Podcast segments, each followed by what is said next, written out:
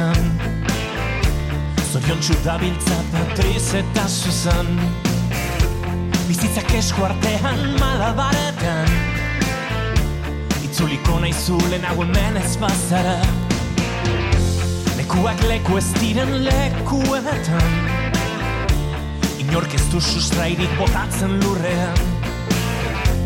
Aguroz pinduen eta ongi etorrien Lekuko diran leku ez diren lekuak. Takeroarekin ezin jolastuta Bazoa zurruti. Egun amaigabetan Ez zara nirekin Ametxan zaindari. Lekuak leku ez diren lekuetan zara Ta inork esperantza galdua badauka Piztu dituzte jada itxasargiak lekuak leku ez diren lekuetan zara denbora mantxo igarotzen bada ¿Qué tal estáis? Bienvenidos a la Casa de la Palabra. Nos disponemos a entregaros tres entrevistas que conservamos para estos momentos en el que nos gustaría volver a escucharlas. Y así vamos a estar escuchando de nuevo a Guillermo Ariza y a Ida Costa. Ellos llegaban hasta los estudios de Radio Euskadi después de visitar todos los faros de Portugal en moto. Y no solo conoció a Guillermo Ariza todos los faros en moto de Portugal, sino también de España. Va de faro en faro, con su moto, sacando fotos y documentando cada uno de ellos. Le acompañaba y le acompaña en los últimos tiempos la poeta salmantina Aida Acosta. Guillermo es de familia de pescadores de Zara de los Atunes en Cádiz, jugaba de niño con un candil y así se enamoró de los faros y esa cosa que tiene desde niño pues le ha llevado pues a ir por todos los faros de la costa. Le escucharemos a Guillermo Ariza y a Ida Acosta. Luego estaremos escuchando a Bego Antón. Ella es fotógrafa, es autora del proyecto fotográfico Ayek Dana Sorguiñac, basado en las confesiones forzadas que realizaban las brujas en la Inquisición. Eran mujeres de conocimiento, poderosas, independientes, que fueron juzgadas, pues el cristianismo eh, veía en ellas pues como un peligro para sus creencias. Bego Antón recrea la caza de brujas utilizando la fotografía analógica. La tercera entrevista que vamos a recordar es la realizada a Iñaki Hacha y Esther Rocamora. Nos presentan el capítulo 3 del Gran Tour Gastronómico por el Asia Oriental.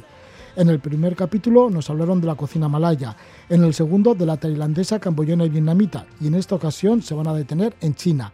Han probado las cuatro cocinas tradicionales y todavía mucho más de la cocina china. Bueno, las cuatro tradicionales son el Fujian, el Xi'an, el Hanui y el Jiangsu. Ineki Hacha y Esther Rocamora nos hablan de la comida china al final de este programa de La Casa de la Palabra. Comenzamos, nos vamos a conocer los faros en moto.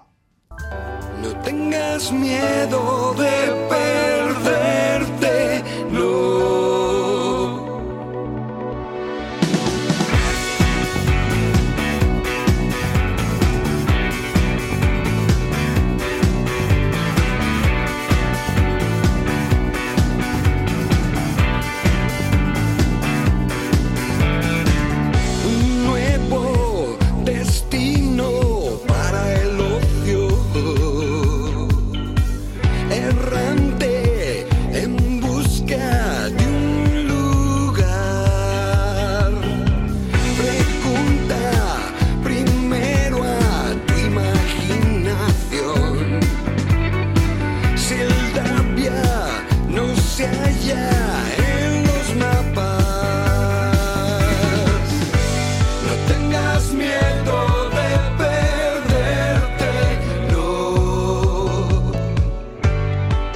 Nuestros invitados creo que no tienen miedo a perderse porque han hecho cientos, bueno, diremos miles de kilómetros en moto en busca de los faros.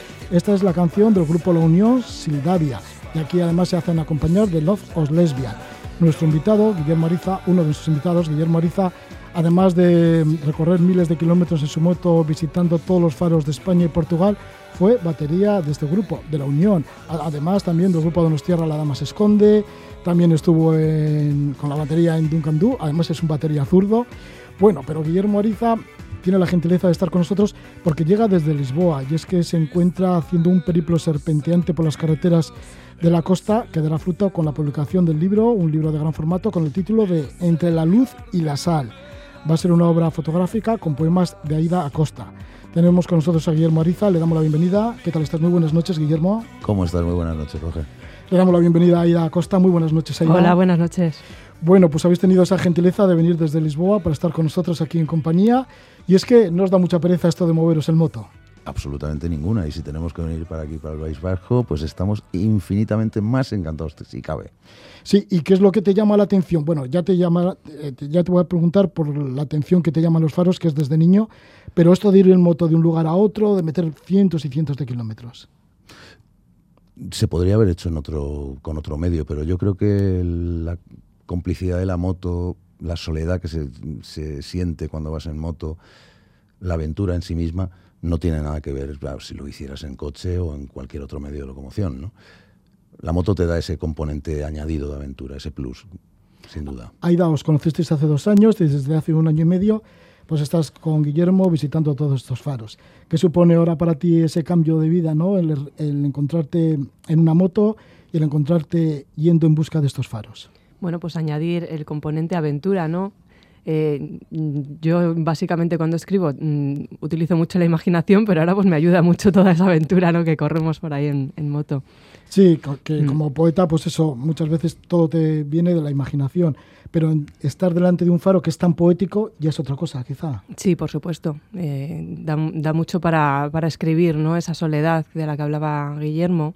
El componente de la luz, que para mí es muy importante, porque siempre hago referencia en, en muchos de mis poemas a, a la luz, al significado que tiene. Y entonces, pues los faros emiten la luz para que los eh, marineros no, no se pierdan ¿no? Y, y puedan llegar a tierra. Entonces, bueno, pues yo creo que es, es algo muy bonito y muy importante. Guillermo, los faros. ¿Por qué esta atracción a los faros? Porque la tienes desde muy pequeñito. Eres de Zara de los Atunes, en Cádiz, y ya en el año 1965 recuerdas aquellos tiempos de niño que andabais con candiles por allí. Efectivamente, el- así empieza uno de los textos que escribí que va a estar en este, en este libro. Y sí, comentaba que, bueno, en, aquellos tiempos pues no teníamos juguetes como se tienen hoy día, ¿no? Y entonces nos regalaban a los niños, los que podían, pues teníamos un candil o teníamos un quinqué, ¿no? Dábamos vueltas por allí por el pueblo. Lo único que nos prohibían taxativamente es que nos acercáramos a, a la playa, ¿no? Y bueno, esto lo he contado muchas veces, pero me, gusta mm, recordarlo, ¿no? Y no- nos prohibían que nos acercáramos porque pensaban que nuestros abuelos, que en tiempos, en, aquellos tiempos de extraperlo y de contrabandistas y tal, pues eh, a lo mejor hacíamos señas o señales o a- pues eso, a los contrabandistas o a gente que anduviera por allí. Y todo lo contrario, luego me di cuenta que realmente lo que ocurría es que un candil en las manos de un niño, pues eh, alumbrado hacia afuera, hacia el estrecho de Gibraltar en este caso, pues podía confundir a un barco, ¿no? El niño con un farol, y, te- lo miran desde allá afuera y vete tú a saber lo que pasa con el barco, ¿no? Yo creo que nadie sabía aquella historia, ¿no? Yo me di cuenta con el tiempo, pues lo comentaron algunos marineros de allá, ¿no? Y entonces, cuando me di cuenta que un farolillo podía ser un referente para un marino o un marinero, me enamoré en- perdidamente de los faros. Creo que tenía seis años de entonces. ¿Y cómo después del tiempo se te ha ocurrido ir en moto en busca de tantos faros? Bueno, tanto es así que igual te conoces todos los faros de, de España y Portugal. Pues prácticamente todos, ¿no? Hay alguno, si algo te enseña un viaje como estos, como- este, ¿no? Es el, a mí me han preguntado alguna vez que qué aprendes, ¿no? Y bueno, fundamentalmente aprendes algo que es a desarrollar la capacidad de frustración por no poder encontrar todo lo que quieres, ¿no? Hay algunos que se te escapan, pero están ahí, ¿no? Y, el, y a lo mejor no, no puedes visitarlos con la moto, pero sí prácticamente los conozco todos, ¿no? El, no hay ninguno feo. También me han preguntado, ¿pero cuál es el más feo? Digo, ¿Qué pregunta me ha hecho? Porque un faro es la antítesis de la fealdad, todo lo contrario, ¿no? Esté construido como esté, ¿no? Eh, sí, prácticamente me los conozco todos. Y a tu pregunta de cómo empezó, pues eh, a base de hablar con muchísimos marineros, muchos de mi familia, otros no, otros no tanto. Vamos, no tanto no, que no eran de mi familia, pues... Es eh, eres de familia de pescadores, de marinos. Sí, parte sí, parte sí. Entonces, el. Bueno, Zara de los Atunes tiene una historia que es antitética también, que es por un lado el, el- la mar y por otro lado el campo, ¿no? O sea, son cosas. Incluso en un lado de la calle, pues en la acera de enfrente vive gente del campo y en esta que está separada a tres metros, gente de la mar, ¿no? Es curiosísimo. Pero. Pero bien bonito también. Brutal, brutal, porque las aventuras y las leyendas son radicalmente distintas, ¿no? El, el el marinero es más, Más callado. todo lo contrario, más, Ah, más, más- más buscavidas, ¿no? Que el, Sí. de- el del campo parece que es Más más, piratilla. Exactamente, parece que es más noble, ¿no? El, yo tenía dentro de mi familia he tenido de, de ambos, ¿no? Y entonces, pues, a base, pensé que tenía que recorrer todos los faros de la provincia de Cádiz, que fue lo que llamé los faros del estrecho, ya, y, se me quedó corto aquello, y entonces, pues, ya empecé con los faros de Poniente, desde Fuenterrabía, Ondarribia, Cabo de Higuer, hasta Trafalgar, otra vez en mi casa, con todo Portugal incluido.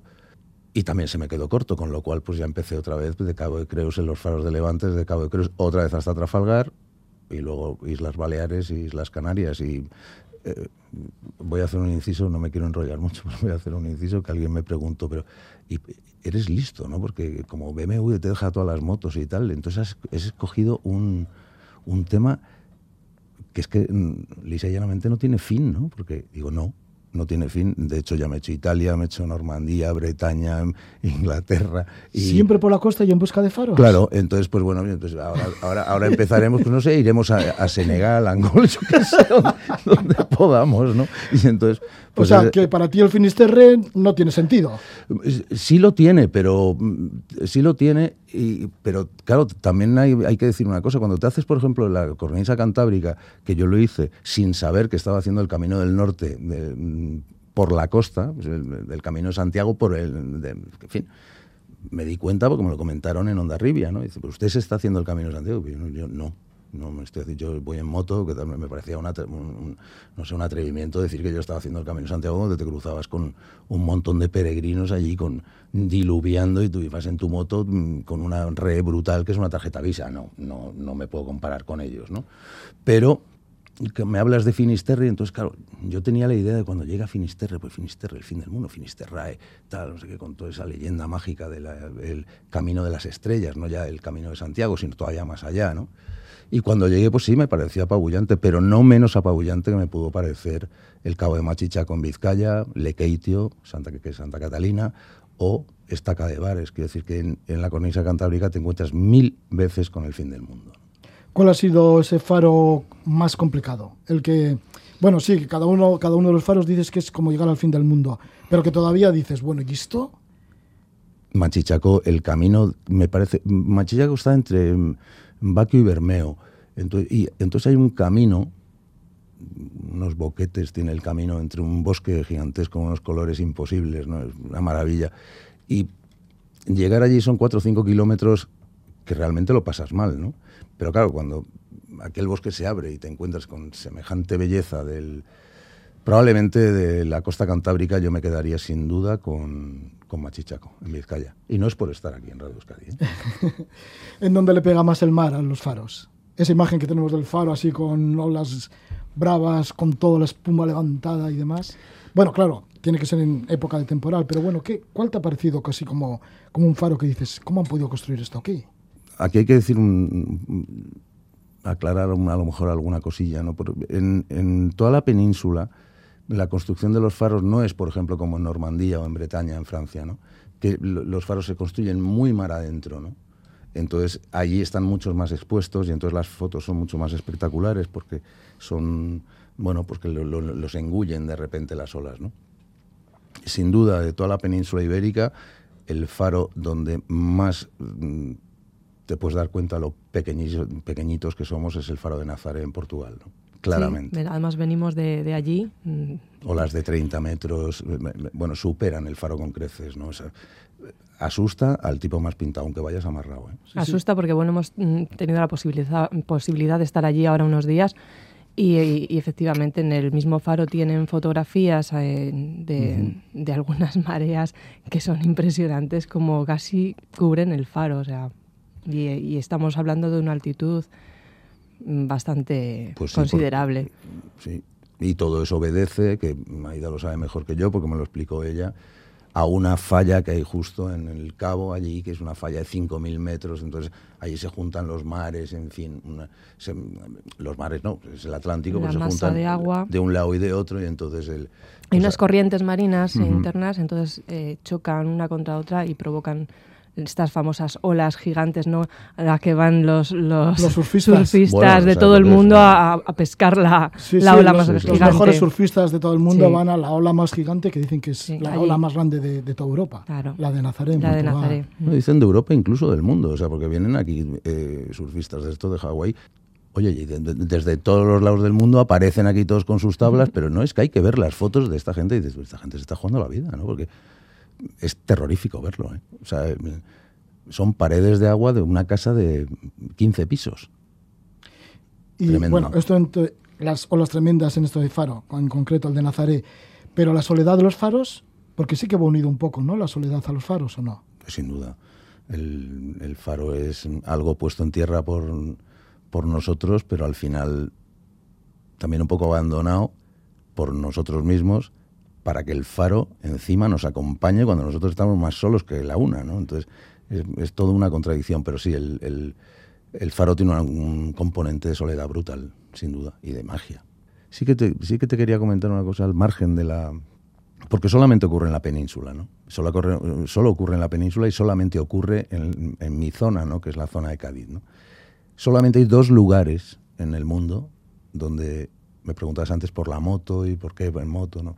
Yo hablo de moto, no hablo de coche, ¿no? Pero podía ser en coche también. Solamente hay dos lugares en el mundo donde se va conduciendo por un continente y se va mirando a otro. Uno es eh, en Estambul, que vas conduciendo por Europa y cruzado el Bósforo estás viendo Asia, entonces, y normalmente, pues lógicamente te vas a mirar a, a Asia, ¿no? Y el otro es el estrecho de Gibraltar, tú vas conduciendo por, por la carretera que, mm, que está el mirador de Tarifa, el mirador del estrecho que está entre Tarifa y Algeciras, y estás viendo África a 13 kilómetros, ¿no? Y eso yo recomiendo que la gente lo haga porque es una- un espectáculo absolutamente apabullante. Pues estáis haciendo un largo camino en moto. Una conducción en moto que también será muy bonito en las carreteras por donde vais, en los Sí. paisajes por donde pasáis. sí, sí, hay rincones que son preciosos. Sí, o sea que siempre Y muy poco transitados, además. ya O sea, son carreteras que son para ti solo. El otro día en Portugal, entre... como- Nazaret y San Pedro de Moel. Efectivamente, es que íbamos nosotros solos por unos sitios y unos acantilados y, y- y no, y no se trata de ir rápido ni ir... No, si es que no se trata de eso, ¿no? Se trata de disfrutar cada kilómetro que hagas y mirar todo lo que vas viendo. Aida, ¿y en dónde os podemos seguir? ¿En dónde tenemos más información de lo que estáis realizando? Bueno, pues eh, tenemos nuestro blog, tenemos eh, también página en Facebook y tenemos nuestro Instagram, en el que, sobre todo en Instagram, ¿no? que ponemos muchas fotografías, tanto de motos como de faros, y se llama Entre Mapas y Candiles. Entre mapas y candiles, también bonito nombre. Bueno, Sí, sí. Bueno, que todo empezó entre candiles. efectivamente. En Zara de los Atunes, en Cádiz, en tu Eso pueblo. es, eso Allá es. por el año 1965, cuando eras muy pequeñito. Efectivamente. y te llamaban te llamaba muchísimo la atención los farolillos y descubriste los faros y te enamoraste de los faros y desde entonces hasta ahora que has crecido un poquito más pues ahí vas con tu moto en busca de los faros y en los últimos tiempos pues te acompaña Aida Costa que pone las poesías esas fotografías de los faros muchísimas gracias por estar con nosotros y ojalá os veamos de nuevo ya cuando esté el libro este libro publicado que es entre la luz y la sal Muchísimas gracias. Muchas gracias. gracias Guillermo Ariza gracias Aida Costa A ti.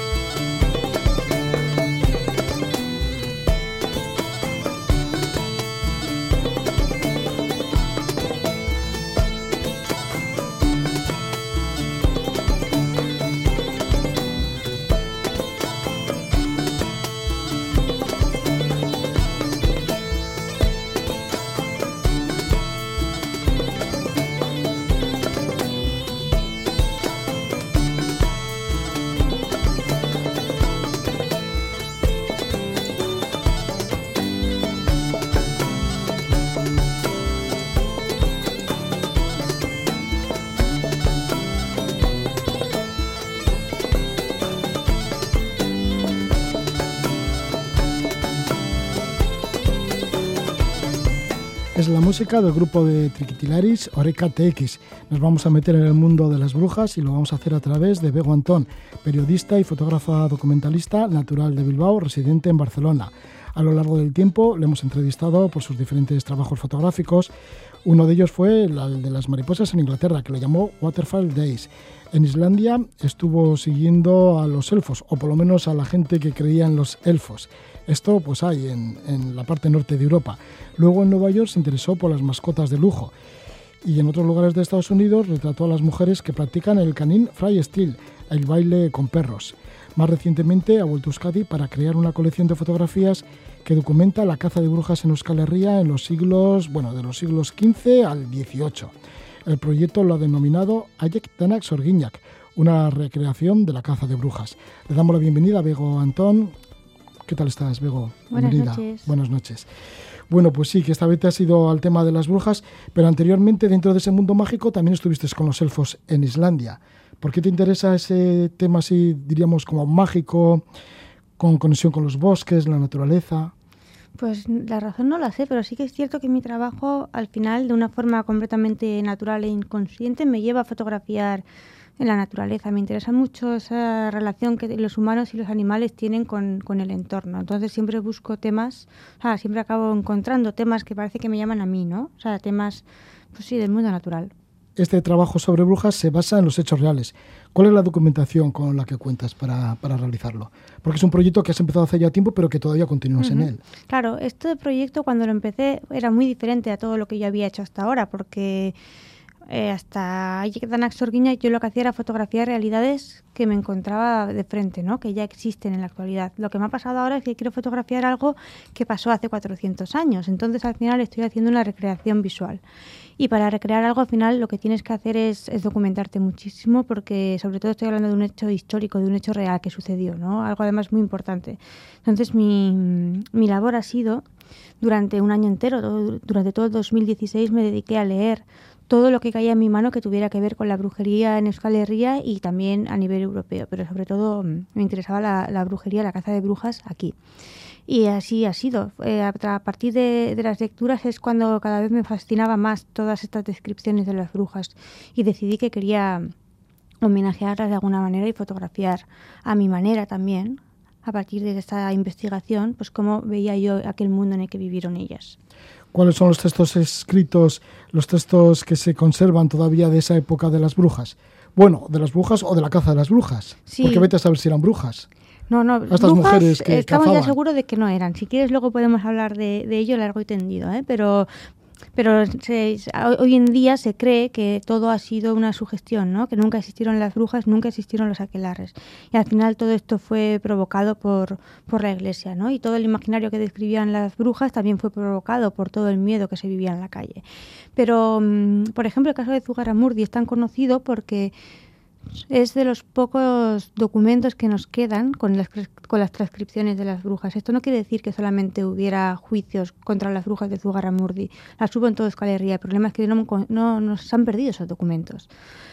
A mí me ha servido de mucho porque a partir de todas estas confesiones he podido encontrar estos, estas descripciones de las brujas, ¿no? Pero en realidad hubo persecuciones que están completamente indocumentadas. Bueno, documentadas está, pero nosotros no tenemos esa información, lo cual es una pena. Así que te basas en declaraciones que hicieron las brujas a los inquisidores. Claro, cuando les hacían confesar con tortura y amenazas. Entonces, eh, claro, por eso decía que, que no hubo brujas. Es muy complicado eh, no caer rendido, ¿no? No confesar cuando estás siendo torturado, a pesar de que confieses algo que nunca has vivido. Y es lo que les pasaba a las brujas, ¿no? Aparte que no es lo mismo preguntar ¿qué hiciste anoche? que preguntar ¿anoche fuiste a la aquelarre? ¿No? Entonces también eh, la forma de dirigir de los inquisidores era muy, muy consciente.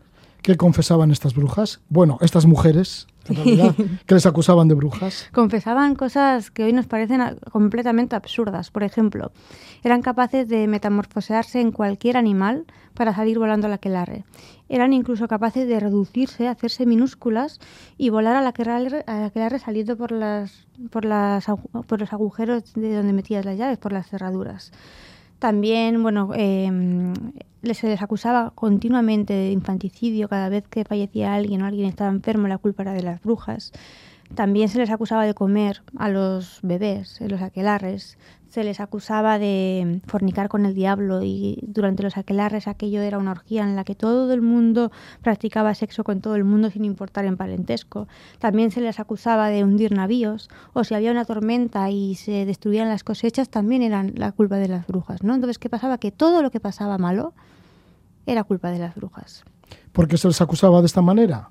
¿Por qué se las perseguía de esta manera? Pues ahí está. Porque ¿quién eran estas mujeres? Estas mujeres eran las mujeres de la calle de toda la vida las del pueblo de normales y corrientes. Sí que cuando comenzó la persecución, eh, las primeras en caer, digamos, fueron las mujeres que eran herboleras, que tenían muchísimos conocimientos de todas las hierbas y las flores del bosque y utilizaban estas habilidades para curar a los demás, ¿no? A la gente del pueblo, eran sanadoras. También eran matronas, ayudaban en los partos y mm, algunas eran adivinas.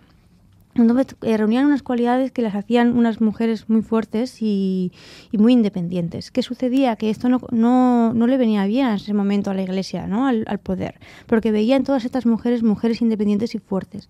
Entonces lo que decidió fue acabar con, toda esta, con, toda, con esta tipología de mujer que vivía en aquella época en Euskal Herria. Y esa fue la razón por la que empezó toda esta persecución. Eran mujeres entonces sabias y poderosas. Claro. Así es. Con un tipo de creencias que chocaba con el cristianismo que se iba imponiendo por aquella época. Así es. Y entonces eran acusadas de cualquier barbaridad. Claro. De todos Claro. los males, como has dicho. Claro, además con- cuando te acusaban de brujas, primero la que caía era, digamos, la, mm, la más mayor del pueblo, ¿no? La que vivía sola, quizás fuera una viuda o una mujer que nunca se casó, una mujer independiente que vivía en el bosque.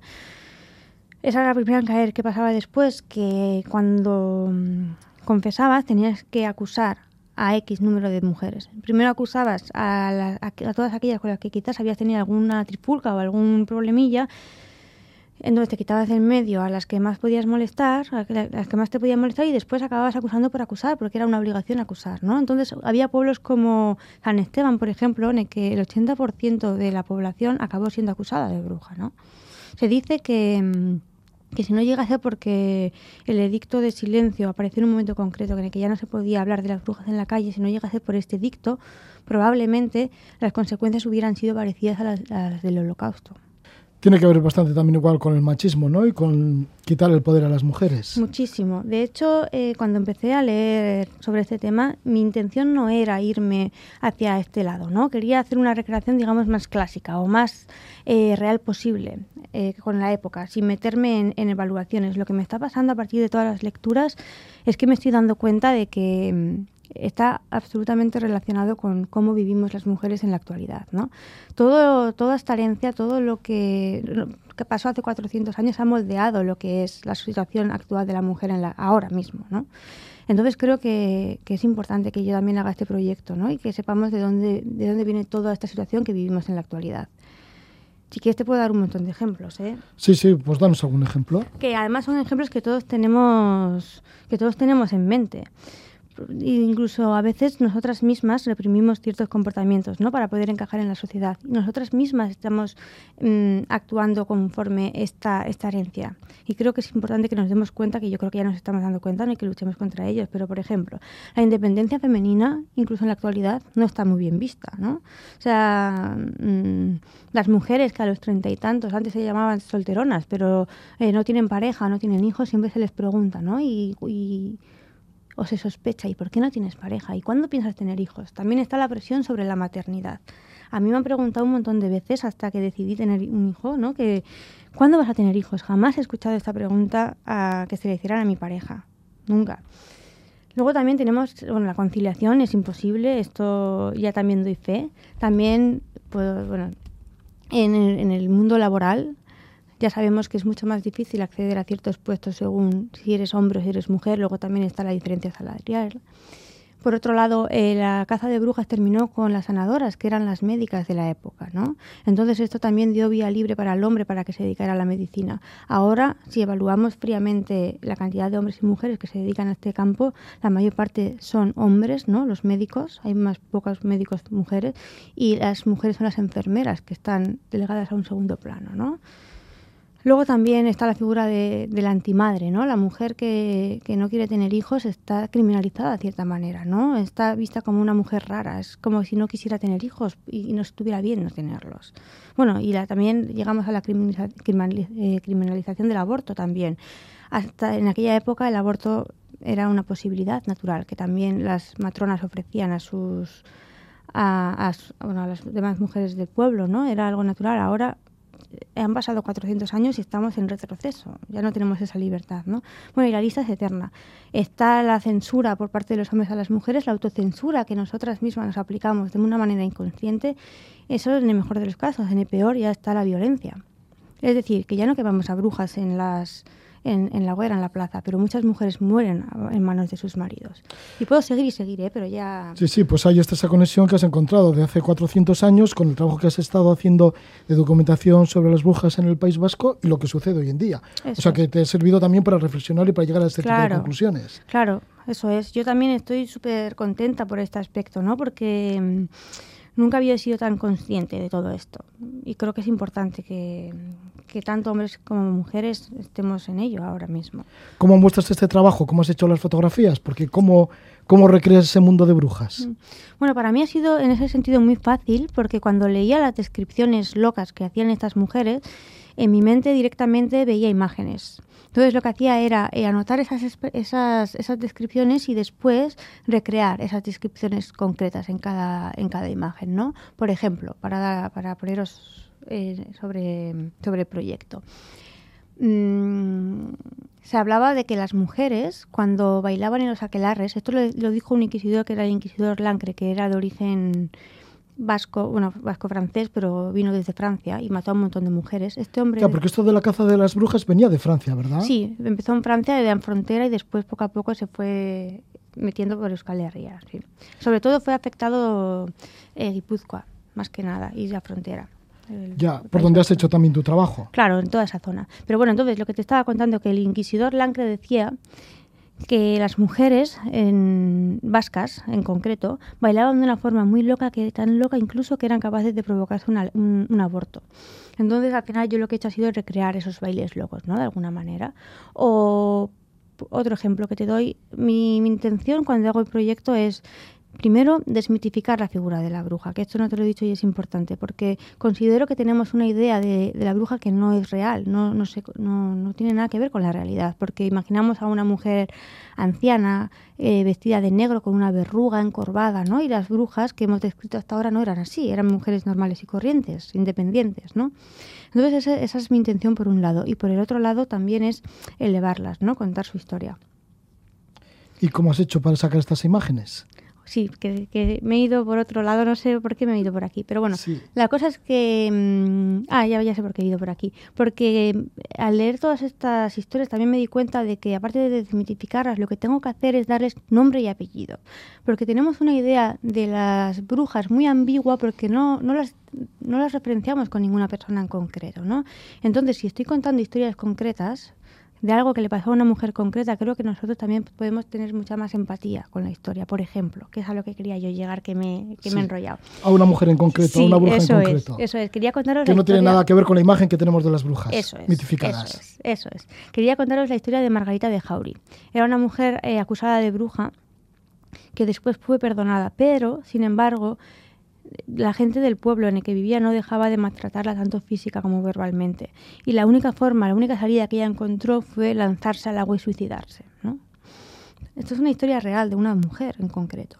Y también te cuento justamente esta historia, para volver al tema de cómo estamos ahora, de que mm, una vez hablando con, con un antropólogo, hombre, recuerdo que mm, él dijo en un momento dado, hombre, la situación de la caza de brujas en el País Vasco no fue para tanto, no hubo tantas muertes. Entonces yo ahí me encendí un montón y me enfadé eh, y yo estaba conteniendo la rabia y le dije, oye, perdona, no podemos contabilizar, y esta es mi opinión, eh, las consecuencias de la caza de brujas únicamente con las muertes que hubo aquí.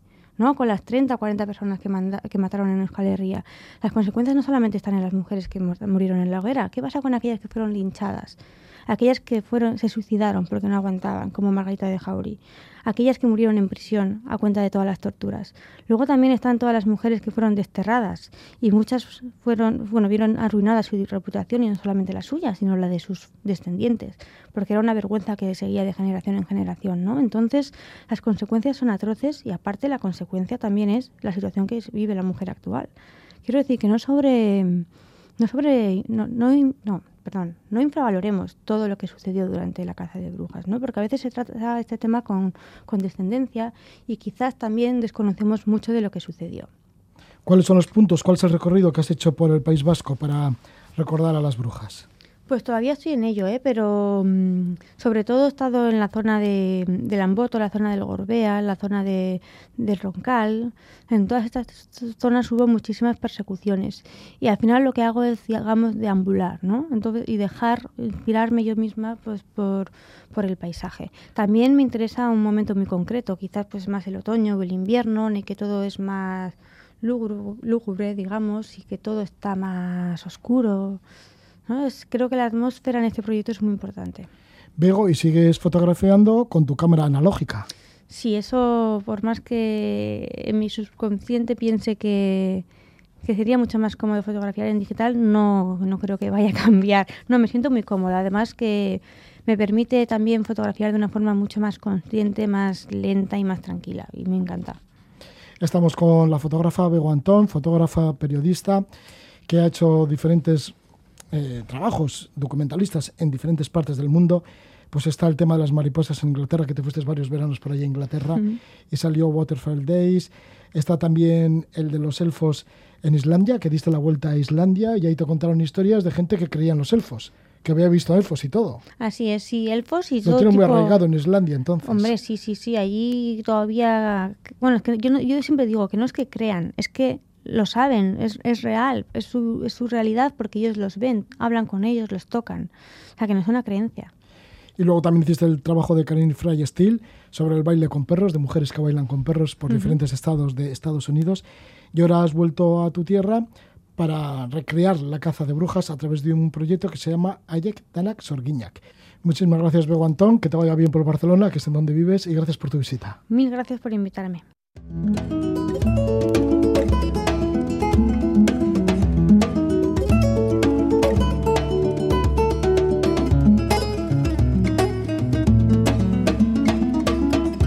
El guitarrista indonesio Topati.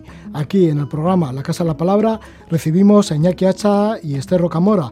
Ambos han realizado el gran tour gastronómico por el Asia Oriental.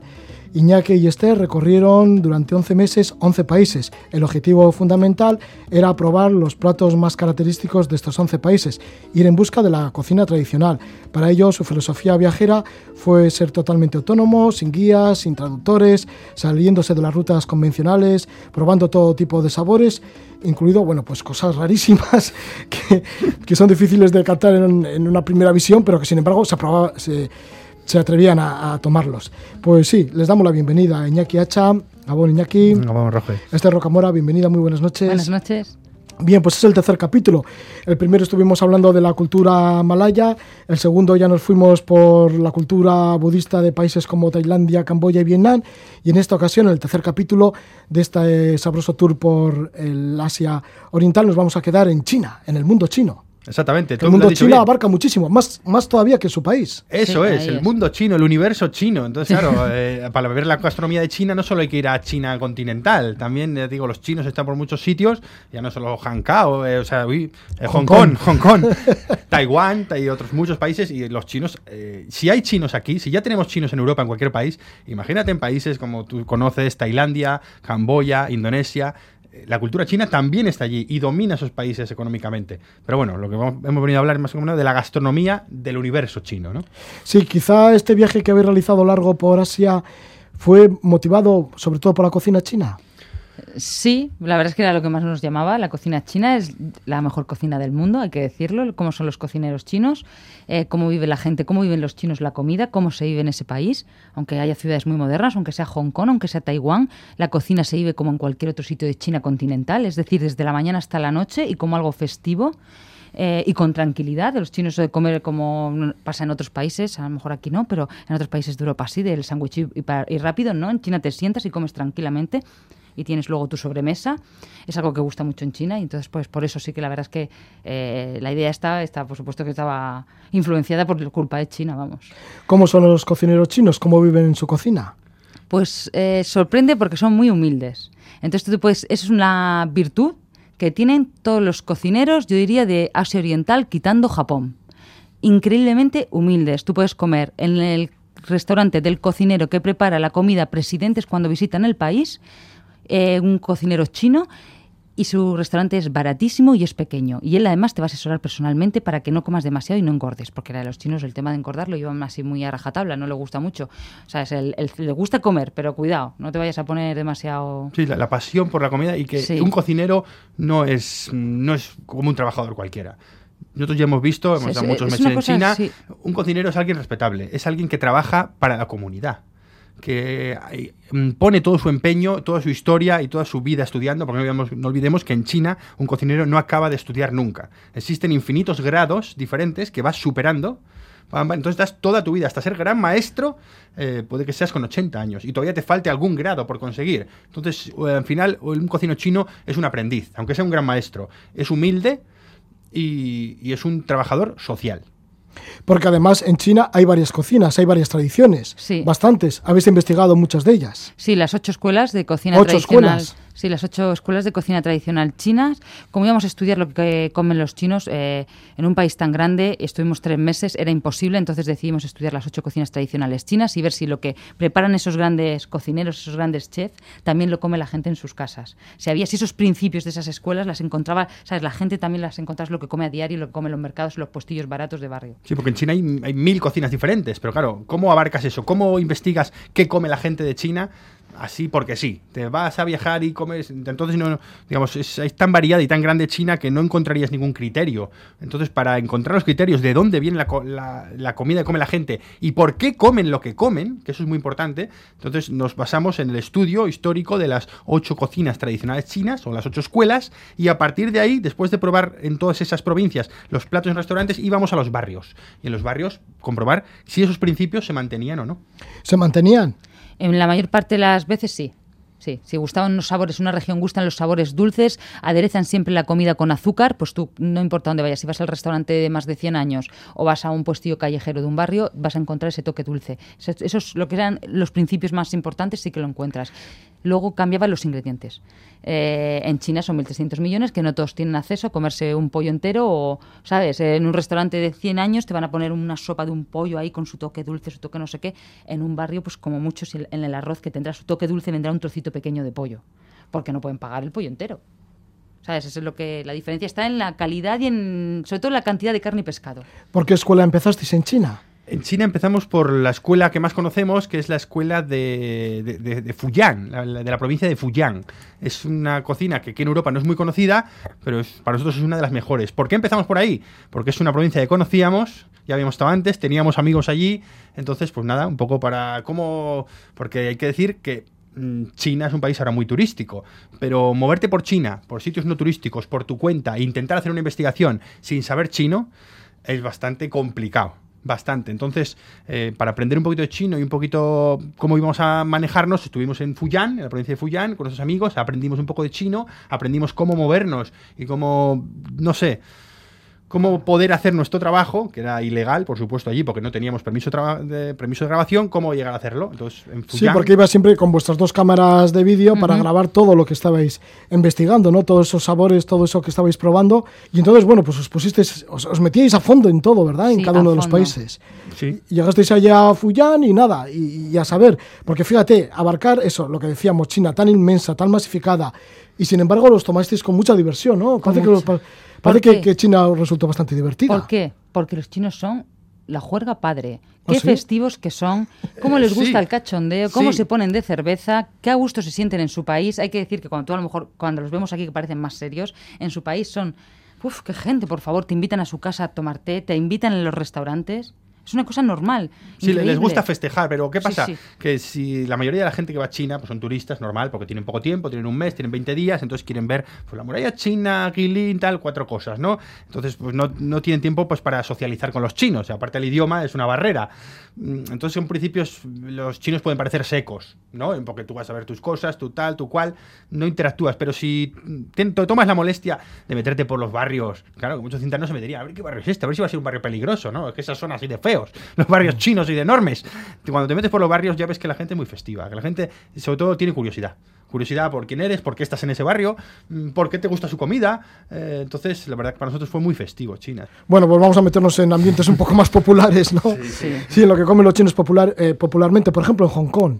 Hong Kong, la verdad que Hong Kong es una ciudad que sorprende, mueve muchos turistas, eh, todo el mundo recordará los rascacielos, la ciudad, la masificación, y entonces eh, Hong Kong la verdad que la vida es bastante rápida y los días laborables, pues la gente sale de las oficinas, desayuna cualquier cosa cerca de su, en su barrio, y después en las oficinas baja y se puede llevar lo que es un packet lunch o algo para el trabajo o come rápido. La verdad que son arroz, sobre todo en Hong Kong le gusta mucho el arroz con carnes. El arroz y la carne, le gusta mucho. Eh, pero lo que es la comida hongkonesa tradicional, que nosotros, eh, digamos, investigamos y fuimos a buscar por los barrios, los sitios que nos habían dicho que eran más tradicionales, es una cocina del sur, de, es una cocina cantonesa, la cocina de Hong Kong, pero del, ¿cómo se llama? Cantonesa Cantonesa del del- oeste, ¿no? del este, del este. ca- Cantonés, cantonés, cocina cantonesa del este.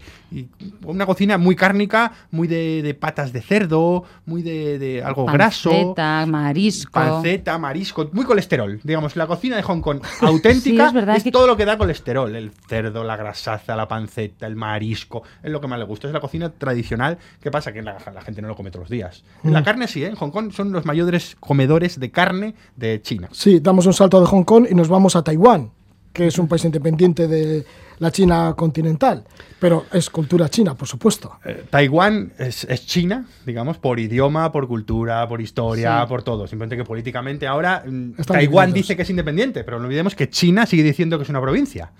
¿Sabes? Entonces, bueno. La cosa es que Taiwán es un sitio, está dentro del mundo chino, es chino, con una única diferencia, y es que en Taiwán la gente es, ¿cómo diría yo? Increíble.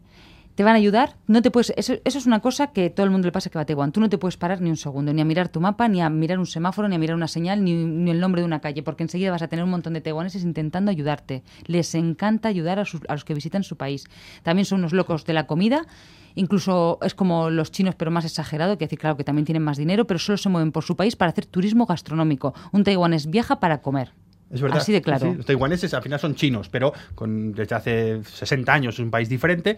Entonces, eh, digamos, ha evolucionado como cultura china, pero con, con más dinero y con más capitalismo y con más variedad y mucho más abierto. Entonces, Sí, la gente es día- muy culta también, ¿no? Muy En culta, claro, sí, Sí. sí, sí, muy culta. Hay Sí, mucha sí, gente que claro. ya- incluso que habla inglés, gente que conoce de dónde eres, tal. O sea, no sé, la verdad que hay gente que ayuda mucho, muy educada. Y para nosotros, Taiwán es uno de los mejores países del mundo para visitar. ¿Son felices en Taiwán? Increíblemente felices, porque en Taiwán se, rebe- se rebelaron contra el gobierno cuando ya Taiwán tenía una economía fuerte y pidieron, que- bueno, redujeron la jornada laboral a las 4 o 5 de la tarde. Tú vas por Taiwán, cosa que es bastante rara en el mundo chino, y todas las familias están paseando con sus hijos. Nadie trabaja ya a partir de esa hora, están abiertos los sitios para ir a comer, las parejas jóvenes, ¿sabes? Eh, Han tienen- conseguido una calidad de vida Exacto, muy buena ahora. de Después de buena. trabajar en el famoso Made in Taiwan, que todos hemos visto en toda la ropa, Pues se en la época se rebelaron y, y, empezaron a eh, pedir la gente- mejoras sí. en su vida. Entonces, lo- Si os parece, volvemos de nuevo al continente, a la China continental. ¿Cuál es- ¿Cómo son los restaurantes de más cien- de 100 años? ¿Qué son los restaurantes de más de 100 años? Sí, son los restaurantes. Si quieres probar la cocina tradicional china, la cocina más exquisita, eh, te tienes que ir a esos restaurantes. Se encuentran en casi cualquier ciudad. Lo mejor, por supuesto, son los de las ocho escuelas de las ocho Ah, hay que decir que se llaman así, no es que el restaurante tenga más de 100 Sí, no, años. algunos tienen más de 200 y otros pues y otros menos de 100, pero, pero- se llaman así, los restaurantes de más de 100 años, traducido directamente del chino. Entonces son los restaurantes para comer la cocina tradicional, Las no alta raciones- cocina, la cocina Sí. tradicional. Ahí las raciones van, pues eh, están, son platos gigantes, enormes, son fuentes. Entonces, si quieres probar varios, pues te vas a encontrar con un banquete, no sé, de kilos y Tienes kilos que ir varias comida. personas, porque no importa en qué zona de China estés, mira que es grande, todos los restaurantes de China como estamos nosotros, siempre es la ración pequeña, es para seis personas. Y la grande es para 12. Entonces tú. Si pides eliges- siete platos porque quieres probar siete cosas, pues te vas a encontrar ahí que podían comer, yo qué sé, Pues siete 40 platos para seis personas, porque la ración más pequeña. Así son los restaurantes. Entonces nos hemos pegado unas jamadas, comíamos solo dos, a veces teníamos algún amigo y tal, pero normalmente dos, unas jamadas, pero de, de acabar hinchados, mareados. Sí, mareados, ¿eh? Imagínate, Mareados. queríamos pedir cuatro. Una vez fueron siete Hay sopas, platos. tú dices sopa de gallo salvaje con jamón de. ¿Cómo era? De Yinam. de, de Yi- De, Yinhua. de Yinhua, de Yinhua, vale. Y entonces te sacan la sopa, que es una cosa inmensa, y está el gallo entero dentro. Y entonces te has pedido seis cosas más. No te traen tu sopita para ti, no, te sacan, te traen... sea, es que es algo increíble, es para vivirlo, es una locura. ¿Y cómo distingues estos restaurantes de más de 100 años? Que recomiendo a la gente en China, porque es que son majísimos, los taxistas. Si alguien está en China, que le digan, quiero comer, comer auténtico chino, y, y que decir, que vamos, que no tenga nada occidental, que la comida sea auténtica, y hay que fiarse. El taxista te va a llevar a un sitio que te vas a quedar pillado. A lo mejor es un barrio que parece de mala muerte, y dicen, madre mía, lo que me va a pasar aquí no te va a pasar Sí, nada. que ya nos pasó. Vas a entrar a un garito que parece que se va a caer de un momento a otro, pero vas a comer como un rey. ¿Cuál es la comida china que más os gusta de todas ellas? Será difícil A decirlo, mí, ¿no? la que más me gusta es la de Fuyang y la de Hunan. O sea, la primera que visitaste Sí, es la sí, primera sí, yo escuela. tengo mucho cariño a esa cocina. Aparte, me encanta el toque dulce que le dan. Es la de los mejores cocineros de marisco. Y, y uy, buenísimo. También a este le gusta la cocina de, de De Hunan, lo que ha que es dicho. picante, me encanta la comida picante. Y, en y la de Hunan es muy fresca, es un sitio de verduras. Uf, delicioso. Bueno, pues este es el tercer capítulo del gran tour gastronómico que estamos realizando junto con Iñaki Hacha y Esther Rocamora, que han tenido la oportunidad de visitar 11 países del Asia Oriental durante 11 meses. El primer capítulo lo hablamos aquí en este programa, en la Casa de la Palabra, pues sobre la gastronomía de la cultura malaya, lugares como Singapur, Brunei, Indonesia y Malasia. El segundo, pues nos dedicamos a países budistas de la cultura Khmer, entre otros como Tailandia, Camboya y Vietnam. Y hoy pues hemos dado este repaso un poquito pues a la cocina tan, tan vasta como es la, la cocina china. Hasta la próxima. Venga. Vale, qué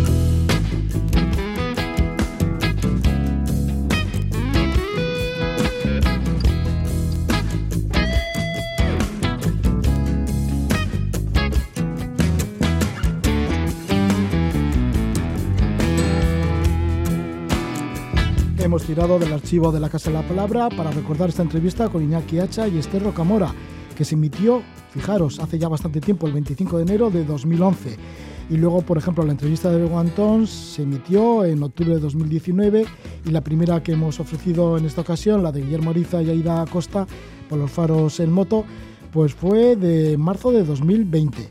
Ahora ya nos vamos y lo hacemos con la música de Joseba Irazoki y el tema Gisaki Dependente A. Que disfrutéis.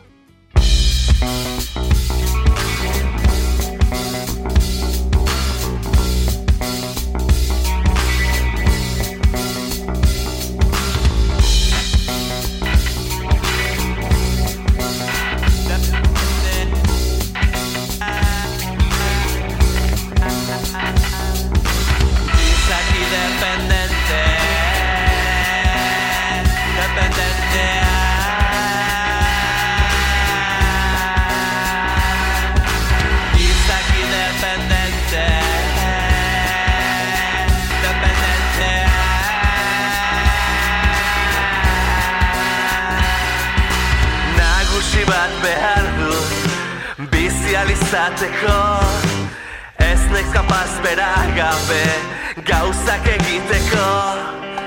Nagusi bat behar dut bizi alizateko Ez naiz kapaz bera gabe argi pentsatzeko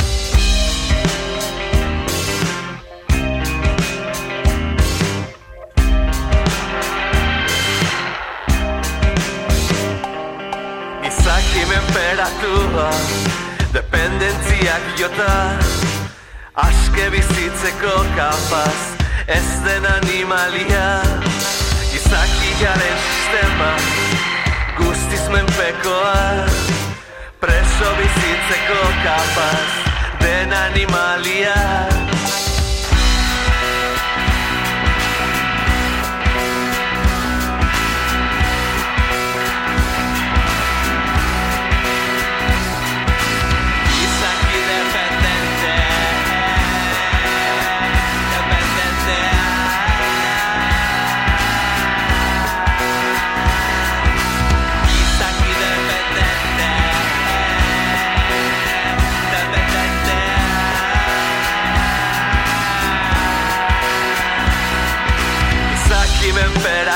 menperatua Dependentziak jota.